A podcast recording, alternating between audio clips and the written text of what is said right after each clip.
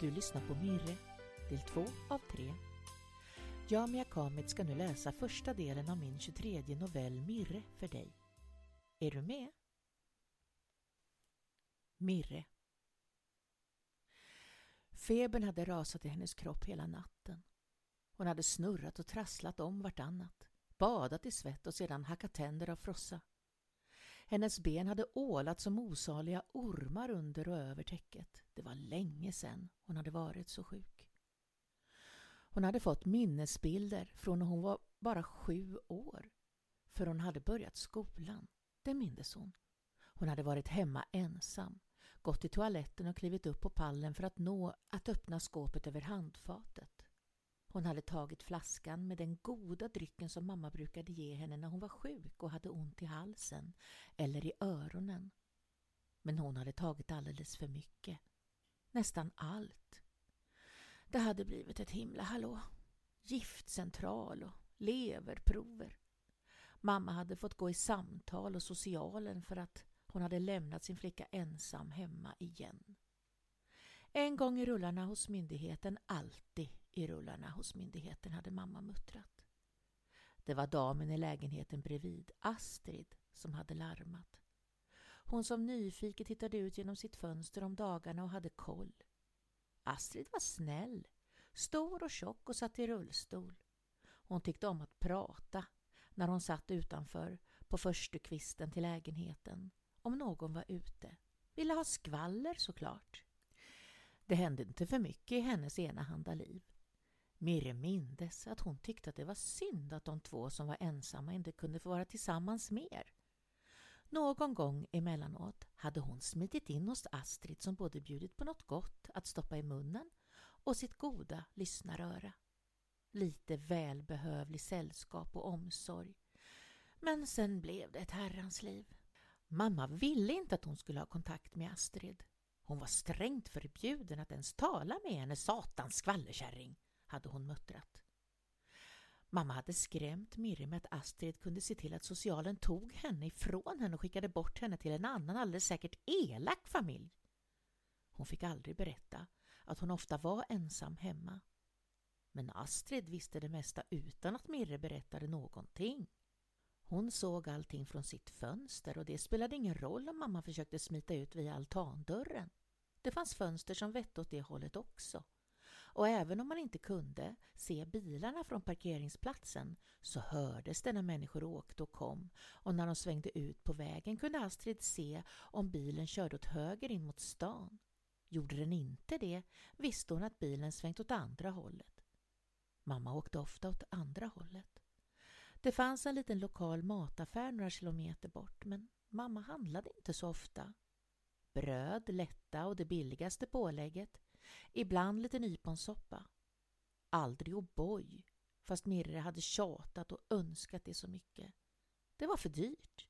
Mirre åmade sig i sängen. Leder och muskler ömmade. Hon behövde gå upp på toaletten, ta ett par Alvedon och dricka vatten. Ätit hade hon inte gjort sedan igår en kopp varm O'boy och en mjuk pepparkaka med Bregott. Ingen billig skit som lätta i hennes kylskåp, tack så mycket. Mycket var annorlunda nu som vuxen. Hon hade kämpat sig till en hyfsad tillvaro. Jobbade på förskolan Vitsippan och hon njöt oftast av att leva ensam. Hon hade flyttat hemifrån direkt efter gymnasiet. De sista åren hemma med mamma hade de inte haft mycket gemensamt. De möttes i dörren. Och ibland lämnade de lappar åt varandra på köksbordet. Hon hade till slut varit hemma så lite att hon inte brytt sig om att tömma mammas stinkande askkopp i tvn ens. Hon satt ju ändå aldrig där, i den gamla nedsuttna träsoffan. Mamma sov där, trynade i sin gamla luggslitna ljusblå morgonrock och såg allmänt sjaskig ut. Sen vips försvann hon ut genom dörren nyduschad, rosig av rouge och doftandes av parfym. Det långa nytvättade håret guppade på ryggen. Då var hon en helt annan. Tjocka svarta streck runt ögonen och långa ögonfransar. Skulle säkert träffa en man. Men eh, det verkade aldrig bli något. Hon tar aldrig med sig någon hem i alla fall. Hon jobbade på kupan vissa dagar. Sålde gamla saker som människor av olika anledningar hade skänkt. När mamma Marie fått KOL och inte kunde gå någonstans utan sin syrgasställning hade Mirre handlat åt henne. Det stod alltid cigaretter på den lilla inköpslappen tillsammans med bröd, lätta och det billigaste pålägget. Hon hade köpt cigaretterna. Det var hennes mammas idiotiska val och rättighet. Marie hade aldrig sett hennes lägenhet, aldrig träffat hennes katt Tassan eller frågat henne hur hon klarade sig. Den sista tiden hade Marie legat inlagd. Hon hade legat i sjukhussängen som en sparv, mager, skör och askgrå. Mirra hade besökt henne en stund varje dag efter jobbet. Inte för att hon ville, utan för att hon hade tänkt att göra rätt. Det rörde inte vid varandra, hälsade och såg på varandra visserligen. Ny halsduk? Ja. Dyr? Från Åhléns. Hm. Tyckte om färgen och hittade matchande vantar. Hm. All den positivitet hon försökte förmedla föll pladask till golvet som när man sprutar radar på flugor. Spännande egentligen att hon hade kunnat bli både positiv, intresserad och kärleksfullt lagd med tanke på att hennes mamma givit henne så lite av någotdera. Nu när hon var borta insåg hon att hon aldrig riktigt känt sin mor. Hon saknade henne inte heller, vilket var sorgligt. Nu fanns ingen hon kunde kalla familj kvar. Mirre var tacksam över att hennes mamma inte lämnat efter sig skulder och bekymmer. Hon hade varit lite rädd för det. Visste inte om det var möjligt att barn kunde ärva sina föräldrars skulder. Något som aldrig klarats upp medan tid var, var tråkigt nog vem som hade varit hennes far. Hon hade trott det, eller hoppats att det skulle finnas en liten skärva kvarlämnad som förklaring eller, eller som åtminstone kunde kasta ett uns av ljus åt en möjlig teori. Nej, en tavla och så en vas som hennes mormor hade haft. Det var allt hon hade tagit med sig hem till sitt från lägenheten. Allt var ändå så gammalt, slitet och luktade rök. De hade kommit från kupan och hämtat rubb och stubb utan kostnad, det var bra. Tavlan hade hon också lämnat in lite senare när hon upptäckt att även den stank av rök. Det var baksidan, i papp som dragit åt sig och var svår att byta ut. Det blev inget trevligt minne. Det hade känts konstigt att se sin barndoms kökslampa hänga i en ställning från taket när hon steg in i kupans lokaler för att lämna in den. Fjuttigt, billigt. Hennes mamma måste ändå kunnat bytt glödlampa, slog det henne, även om hon aldrig hade sett det. För det hade inte hon gjort. Vårinfluensan var ett minne blott när Miranda en juniförmiddag fick ett sms. Hon satt med två väninnor vid en solig tegelvägg och suttade och sörplade på säsongens första mjukglass. Hej Miranda, började meddelandet. Jag har köpt din mors chiffonier på kupan och funnit saker i den som jag tror att du skulle vilja ha. Kan vi göra upp om ett möte? Med vänliga hälsningar Olga Chattari. Miri fick en klump i magen. Hade Ines och Malte nere på kupan uppgett hennes namn? Det var i så fall oprofessionellt. De hade kunnat erbjuda sig att själva ta kontakt med henne. Allt annat var märkligt. Samtidigt som hon blev lite rädd väcktes en nyfikenhet i henne. Du ser ut som du har sett en vampyr eller något, sa hennes väninna. Vad är det? Någon har köpt denna min mammas byråer och hittat något hon tror att jag skulle ha intresse av. Men gud vad spännande! Vad kan det vara? Lämnade du saker kvar i lådorna? undrade Biggan som satt ytterst på kanten. Nej, jag trodde inte det i alla fall. Människorna hade kanske ett lönnfack i byrån. Mm. Tänk om gåtan om vem som var din far får en lösning. Eller är. Han behöver ju inte vara avliden, sa Biggan. Nej men hur? Jag vet inte ens om jag vill veta någonting. Jag är klar med min mamma. Jag vill inte ha en massa krabb. Då åker jag dit och kollar om du inte gör det, sa Sandra. Nej, Det gör du såklart inte. Jag ska tänka på saken. Själv! Samma kväll låg hon i sitt badkar och lenade. Hon hade haft så ont i nacke och skuldror och tänkte att hon nog var spänd och behövde bli riktigt varm och uppmjukad. Orden i smset kunde såklart inte ge vika. De promenerade fram och tillbaka framför hennes ögon. Efter en dryg halvtimme gick hon upp, värmde en mikrolasagne och skrev orden var och när på mobilen och skickade. Hon hann äta upp det mesta av portionen och gå en sväng med vattenkannan innan det ringde på dörren. Mirre stelnade till. Hon kände att det var Olga Chattare som stod utanför och hon kände ett instinktivt obehag. Öppnade hon den där dörren nu gick ingenting att göra ogjort. Ville hon verkligen det? Det var den smalaste dam man kunde tänka sig och hon avböjde när Miranda bad henne stiga på. Plankan i trapphuset sa kort och gott Jag kände inte din mamma men jag tror att jag har räknat ut det. Jag har varit och tittat, vagnen står kvar. Jag tog bussen dit och såg efter. Kvinnan räckte fram ett mindre och ett lite större kuvert. Lycka till, sa hon innan hon backade ut i trapphuset och fram till hissen. Miranda hade inte fått fram ett ord. Ingenting av det som nyss hade hänt kändes verkligt. Men hon stod där och höll två kuvert i handen. Och hon var vaken. Hon gick och satte sig vid köksbordet. Det putade ut något i det mindre av kuverten och Miranda öppnade det först och lät en nyckel falla ut på bordsskivan. Den var fäst i en liten smal grön plastrektangel med en vit papperslapp för skrift inkilad i. Det stod ingenting på den. Vad var det för en vagn som Olga hade pratat om? Hon tittade om det fanns något mer i det lilla kuvertet. Det var bilder på henne själv från när hon var liten. Sedan lite äldre och ännu lite äldre. På flera av dem sov hon. Några var från avstånd. Det kändes märkligt.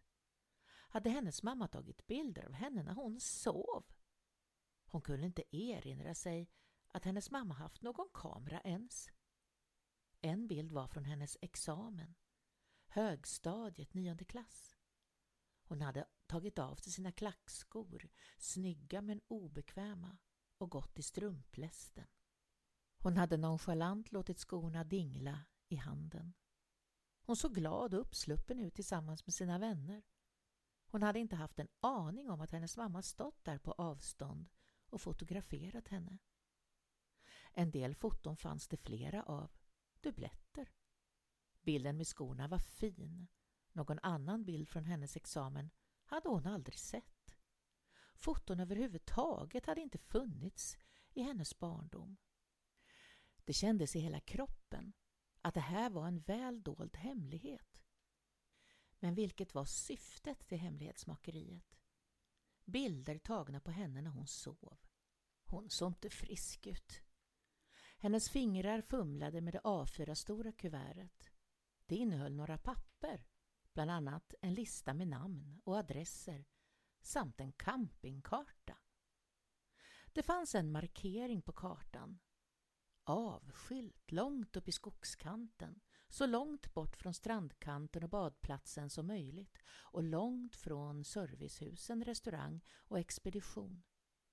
Kartan var ett dokument som gav vagnägare Marie Söderström livslångt arrende enligt avtal. En husvagn! Bara några ynka kilometer från hennes barndomshem. Hon hade aldrig fått semestra på någon camping. De sista dagarna innan helgen låg nyckeln med den gröna rektangeln i Mirandas väska.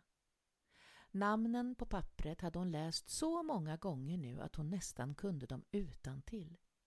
Det var 26 stycken, men det var nio av dem som var understrukna. Mirandas första känsla hade varit att männen var bekanta till hennes mamma och att 17 stycken av dem blivit borträknade som möjlig far till henne. Men att någon av de understrukna nio måste vara han. Miranda kände hur det ville vända sig i magen. Var det detta som hon hade längtat och drömt om i hela sitt liv? Men vad skulle hon göra med det? Googla på internet? Hon hade aldrig som barn eller ung vuxen funderat så mycket över varför saker varit som de varit. Varför de bodde där de hade gjort eller hur hennes mamma hade klarat sitt uppehälle. Hon hade antagit att det hade varit bidrag och lite tillskott från arbetet på kupan. De hade aldrig haft något över till resor eller utflykter eller dyrbara presenter men det hade inte gått någon egentlig nöd på dem heller. Det fanns alltid bröd hemma och hon hade alltid passat på att äta ordentligt och allsidigt i skolan. Hennes mamma hade inte uppmuntrat till frågor eller socialt umgänge. Det hade Miranda fått skaffa sig på annat håll och kanske just därför blivit så bra på. På fredagseftermiddagen hade hon avböjt tjejernas tjat om after work och hon tog bilen till sin barndoms kvarter. Det bodde såklart någon annan i lägenheten nu. Hon undrade om Astrid bodde kvar. I så fall borde hon vara lastgammal. Hon klev ur bilen och läste på brevlådorna. Jo, Astrid Karlsson, min sann.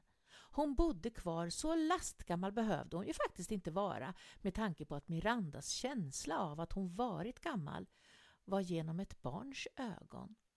70 plus var inte särskilt gammalt i våra dagar. Stig in! Ja, just det. Astrid hade alltid tyckt att det var besvärligt att ta sig fram och åter till dörren så hon hade en digital lås och öppningsknapp om halsen. Det var bara förmirrat att vänta på det lilla surret som betydde att dörren nu var öppen. Att hon vågade. Hon visste ju inte vem som skulle komma in. Men hon hade såklart ett larm också. Hon tog ett par kliv in i hallen och såg kvinnan sitta parkerad framför tvn i sin rullstol. Mirre! Hej Astrid! Tänk att du kände igen mig. Men kära hjärtanes! Jag undrade just när du skulle komma. Jag såg din mammas dödsannons i tidningen. Du visste att jag skulle komma? Ja, antingen till mig eller till Gun uppe på affären. Henne undgår inte mycket heller och vi språkar ofta i telefonen. Det vet två ensamma människor. Så du har äntligen fått veta. Hur länge har du vetat? Men Mirre, får jag se på dig? Hur gammal är du nu? 25? 26 år? Jag har fyllt 25. Jag bor i stan och arbetar på förskolan Vitsippan. Det är, det är bra med mig. Hur är det med dig då, Astrid? Ho, ho, ho, skrockade den äldre. Åren går, men en gammal skvallerkärring hon består. Gå och hämta en kopp åt dig i köket, vännen, och ta med en påse med kringlor. De skulle Sven få, men jag kan alltid baka nya. Astrid och Sven delade tidning och var två kvarlevor från en svunnen tid. De hade i alla sina dagar bott på var sin sida i anslutning till varandra och blivit livskamrater, fast var och en på sitt eget håll. Miranda stannade länge hos Astrid, som mer än gärna berättade allt hon visste om vad som folk pratat om och det som hade pågått i den avlägsna husvagnen precis i anslutning till det lilla slumrande samhället. Alla visste om det, men ingen hade gjort något åt det. Vad fanns det att göra? Hennes mamma hade sålt sig. Miranda hade fått bo kvar med sin mamma eftersom verksamheten hölls separerad från hemmet. När Marie råkat illa ut tyckte de flesta att hon hade sig själv att skylla. Blåmärken och andra blessyrer fick henne att hålla sig hemma vissa perioder men snart var ljuset tänt i vagnen igen. Eftersom kunderna åldrades i samma takt som Marie höll hon på kanske ovanligt länge innan sjukdomen satte stopp för henne. Cool. Från allt bolmande. Jag har en lista med namn. Somliga understrukna, sa Miranda. Jag funderar på vad det betyder. Får jag se? Astrid sträckte sig efter pappret och Miranda passade på att ta en kringla till. Åh, jag minns de här, sa hon och viftade lätt med den avbitna kringlan i luften. Tänk om jag också kunde baka såna här. Du ska få receptet nästa gång du kommer. Nästa gång? Ja, vi är ju gamla vänner, Mirre, och det var så roligt att du äntligen kom. Tycker du? Ja, och du ska inte vara ledsen för det här. Vad din mamma kände att hon var tvungen att göra spiller inte över på dig det minsta. Du är din egen. Det såg vi alla redan då och det ser jag väl nu också. Hon låg ett varmt leende mot Miranda som hon nästan uppfattade som kärleksfullt. Därefter synade Astrid pappret med namn ytterligare en gång. Hennes mun var ett streck och ibland nickade hon. De här med adresser känner jag inte till. De kan inte vara härifrån. Usch, den här otäckingen är död. P.O. Dag, Per-Olof. Han tog sin fru och barn i graven på något vis. Usch, lämnade en tös efter sig som blev polis, tror jag. Jaså? Sander Olofsson är också död. Han började träffa din mamma efter att hans fru fick MS. Det var nog mycket för sällskapet skulle jag tro. Det var synd om honom. Miranda svalde. Hon insåg att hennes mamma träffat män av olika slag och kanske till och med olika orsak och karaktär. När började det här? Ja du, nu ska jag fabulera fritt men jag har fått ihop historien på mitt egna lilla sätt och närmare sanningen lär vi nog aldrig komma. Speciellt med tanke på att de flesta gått ur tiden. Jag gick med din mormor i skolan. En sån här gammal bruksort med stort företag i mitten håller människor arbetssatta och därmed kvar i det man vuxit upp i och in i. Det var ovanligt att någon lämnade orten för att läsa eller söka lyckan på annat håll. Nu är allt nedlagt och vi från den äldre generationen håller på att ta slut. Det är Sven här intill och jag kvar. Din mormor Silvia var tyvärr ingen trevlig kamrat. Hon var grann att titta på, men annars fanns det inte så mycket gott i henne. Varför vet jag inte tyvärr, men grannlåten blev hennes fördärv. Hon var uppvaktad av unga herrar från både höger och vänster och vi jämnåriga flickor tittade snett av avund på henne. Men en dag föll hon offer för en riktig odåga. Han hade varit kraftigt berusad när han skjutsat Sylvia hem i sin bil och ekipaget hade kört rakt in i Jörgen Lommares stengärdsgård. Han omkom, mannen, och Sylvia blev illa skadad. Hon låg så länge på lasarettet innan hon kom hem att vi alla blev chockade när vi såg henne. Hennes rygg var bruten, så resten av hennes arma liv gick hon framåtlutad och krum och hennes ena käke hade krossats så svårt att det såg ut som om halva hennes ansikte hängde.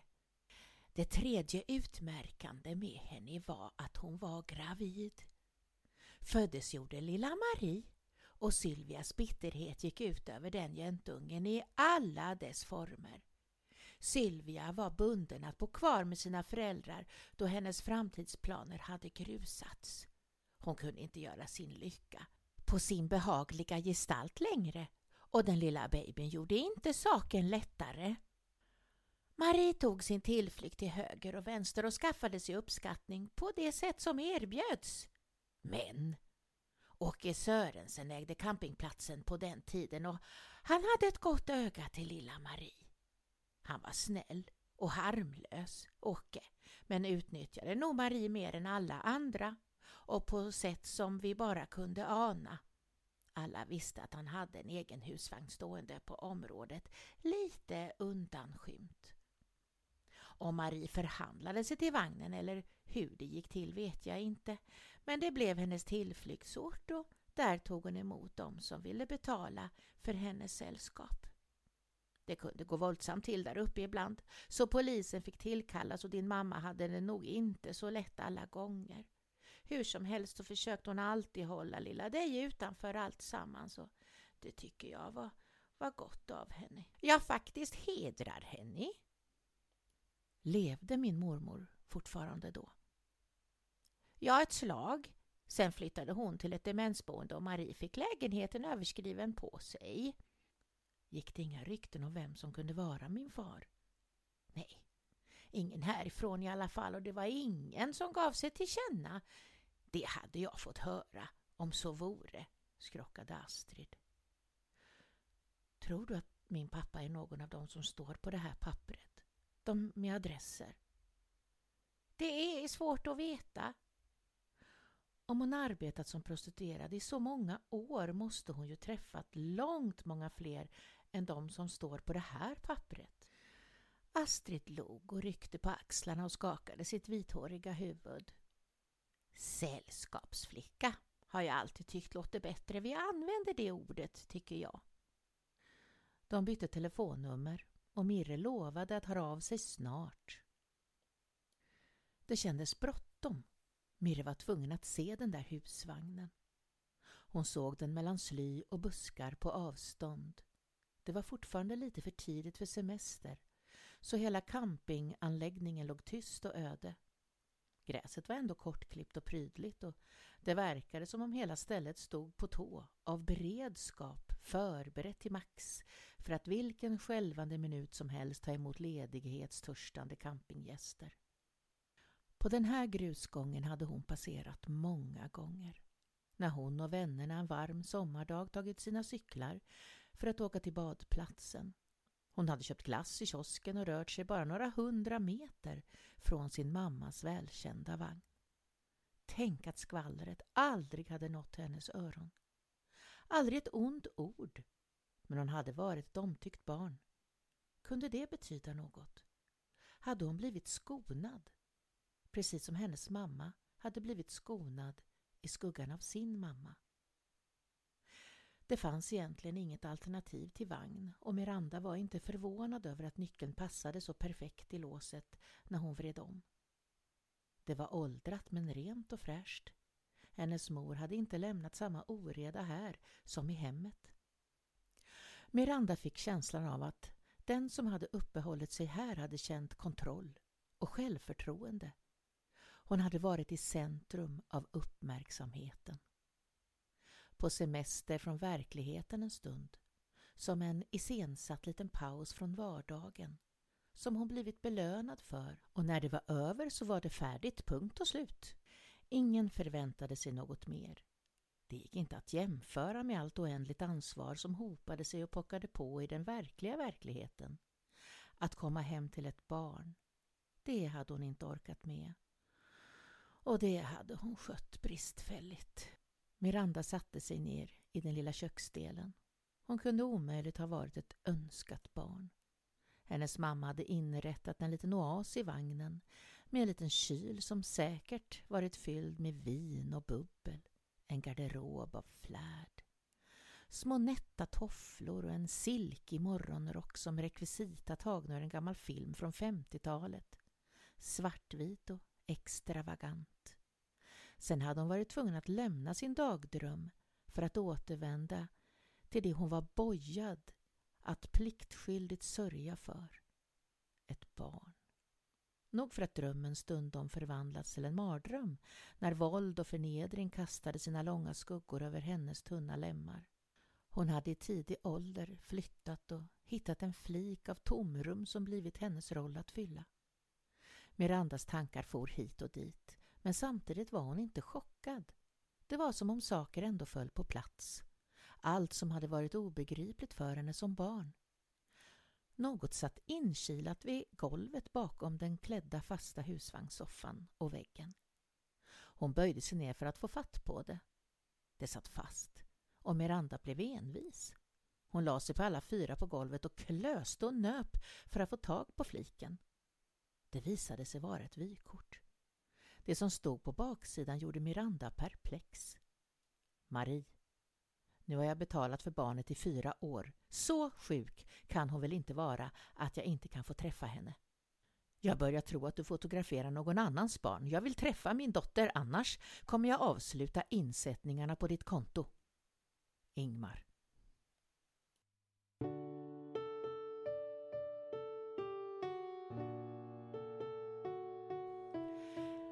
Tack för att du har lyssnat så här långt. I nästa avsnitt läser jag den sista avslutande delen av novellen för dig. Ta hand om dig nu, så hörs vi snart igen. Hälsningar från mig, Mia Kamitz.